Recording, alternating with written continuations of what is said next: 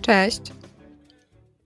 Już znowu mamy piątek. Już znowu Ewa Matusiak z tej strony mikrofonu i mamy 25 listopada, a to jest Dzień Inżyniera Systemów. Więc wszystkim inżynierom i inżynierkom systemów wszystkiego najlepszego. A my przechodzimy do tego naszego 296 odcinka CyberCyber. Cyber.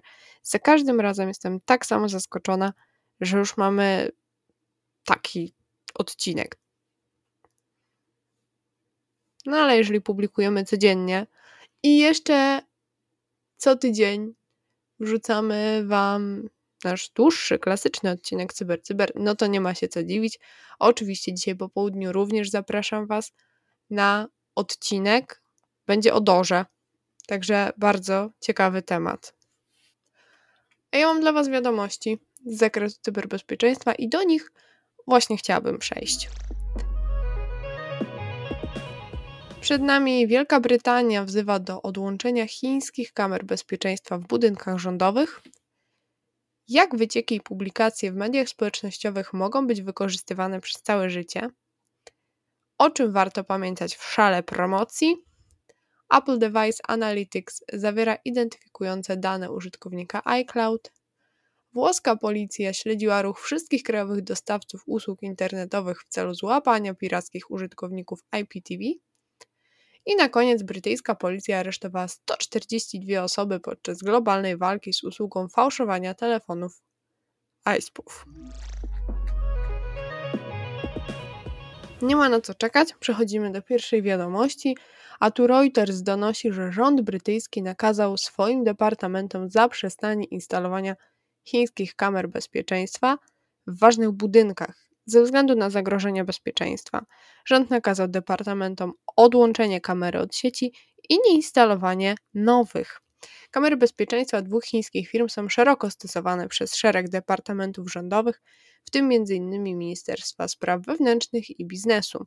Zwrócono uwagę, że kamery monitorujące muszą być dokładnie zbadane ze względu na ich możliwości i łączność z tymi systemami. Okazuje się, że obie firmy, których produkty znajdują się w Wielkiej Brytanii, są na liście opublikowanej przez Biuro Bezpieczeństwa Publicznego i Bezpieczeństwa Wewnętrznego. Lista ta obejmuje produkty i usługi, które stanowić mogą niedopuszczalne zagrożenie dla bezpieczeństwa narodowego Stanów Zjednoczonych lub bezpieczeństwa obywateli Stanów Zjednoczonych. Na tej liście postanowili polegać także brytyjscy politycy, i jest to już taka kolejna wiadomość na przestrzeni ostatnich miesięcy dotycząca właśnie usuwania różnych chińskich urządzeń z Wielkiej Brytanii. Ewidentnie zaczęto dostrzegać taki jakiś potencjał szpiegowski i jest to oczywiście zagrożenie. Tym razem przyszedł czas akurat na przyjrzenie się kamerom monitorującym. To moim zdaniem dobra droga. Jeśli nie usuną, to przynajmniej oby zrobili zapowiadane kontrole.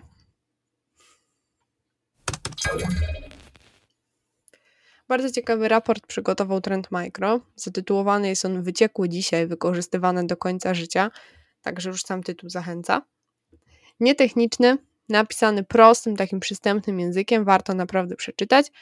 Y, publikowanie w mediach społecznościowych stało się wszechobecne no nie tylko dla ludzi, ale także dla firm i rządów na całym świecie. I dla zwykłych użytkowników jest to takie narzędzie do dzielenia się różnymi osobistymi chwilami, przemyśleniami, zdjęciami, filmami, podczas gdy dla niektórych profesjonalistów no jest to sposób dla, do zarabiania pieniędzy. Dla firm i organizacji jest to oczywiście taka dobra droga do tego, żeby się reklamować i udostępniać jakieś aktualizacje.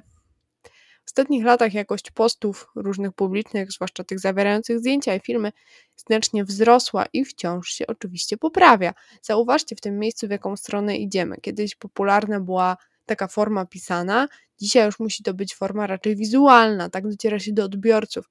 Z tego więc korzystają marki, no ale potem idą też tym tropem zwykli użytkownicy. Już nawet nie wystarczają oczywiście same zdjęcia, ale najlepsze są krótkie filmy.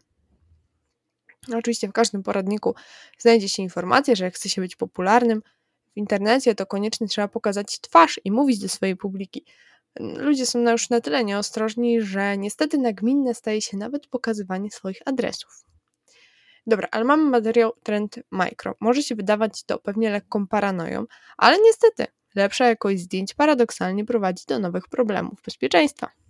Dobrej jakości film na YouTube, dzisiaj już mówimy przecież 4K, ale generalnie wymaganie w stosunku do twórców jest takie, że jakość musi być bardzo wysoka.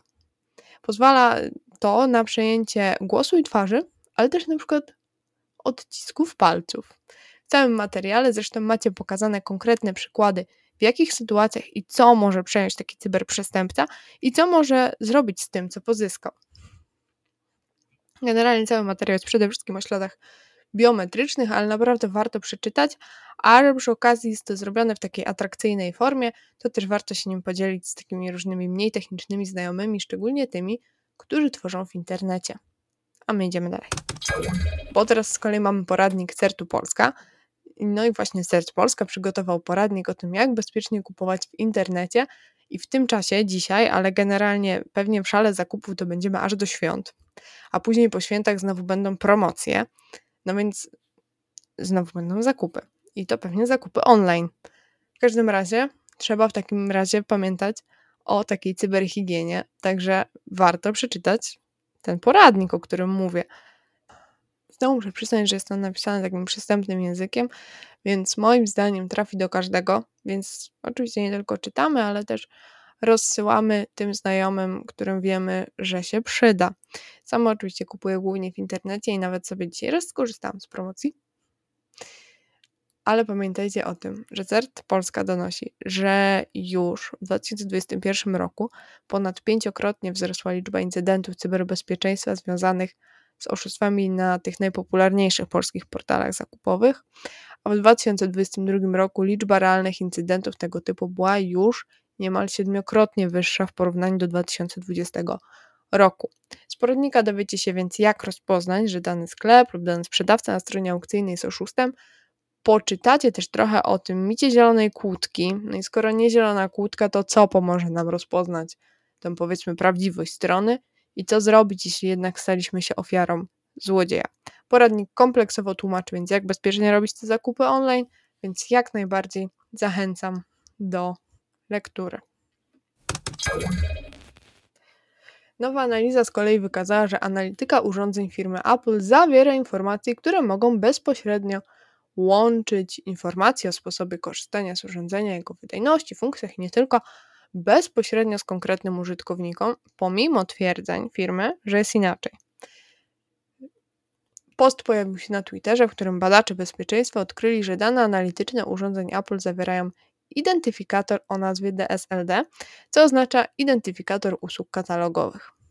Analityka wykazała, że identyfikator ten jest unikalny dla każdego konta iCloud i można go powiązać bezpośrednio z konkretnym użytkownikiem, w tym z jego imieniem i nazwiskiem, datą urodzenia, adresem e-mail i powiązanymi informacjami, które przechowywane są w iCloud. W stronie Apple poświęconej analizie urządzeń i ochronie prywatności Firma z kolei twierdzi, że żadne informacje zebrane z urządzenia do celów analitycznych nie są identyfikowalne z konkretnym użytkownikiem. W jednym z punktów firma twierdzi, że jeśli użytkownik zgodzi się na wysłanie informacji analitycznych z wielu urządzeń zalogowanych na to samo konto, iCloud może skorelować niektóre dane dotyczące użytkowania aplikacji Apple na tych urządzeniach poprzez synchronizację, ale przy użyciu szyfrowania typu end-to-end. -end. Jednak nawet w ten sposób Apple twierdzi, że użytkownik pozostaje niezidentyfikowalny przez firmę.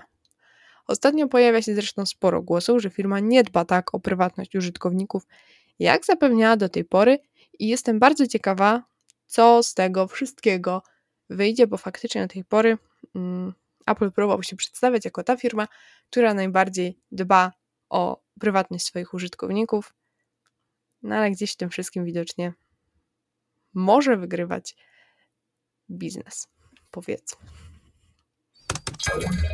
W maju 2022 roku, czyli w tym roku, włoska policja twierdziła, że tysiące ludzi nieświadomie zasubskrybowało piracką usługę IPTV, która była monitorowana przez władze. Gdy użytkownicy próbowali uzyskać dostęp do nielegalnych treści, komunikat ostrzegawczy informował, że są śledzeni. Każdy odwiedzający witrynę widział swój własny adres IP wraz z komunikatem, że został zarejestrowany. Nie myśl, że nie możesz dać się złapać, nie jesteś anonimowy, dodano taką wiadomość. Ale dodane były też takie wiadomości, jak możesz kliknąć, ale nie możesz się ukryć. No i te wszystkie wiadomości miały zaszczepić strach i niepewność w użytkownikach. Generalnie włoska policja walczy z pirackimi stronami od lat i ich taktyką jest nie tylko takie zamykanie dostawców, ale także podważanie zaufania użytkowników. Zamykając wie, zamykają więc pirackie usługi IPTV i ostrzegają użytkowników, że ci będą następni. Celem ostatniej operacji było około 500 zasobów IPTV, w tym strony internetowe i kanały Telegram. W tym samym czasie policja poinformowała również, że ponad 310 elementów infrastruktury IPTV, w tym właśnie serwery główne i równoważące dystrybuujące nielegalne strumienie, zostały wyłączone.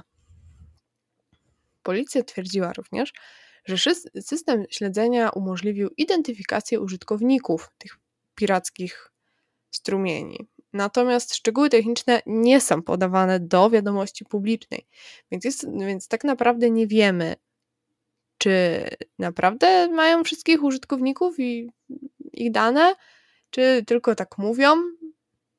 I tak naprawdę znowu pojawia się informacja, że każdy z tych mm, użytkowników tych nielegalnych serwisów dostał pismo, w którym policja wymaga administracyjnej grzywny za naruszenie praw autorskich w wysokości 154 euro, a jeśli była to recydywa, no to 1032 euro.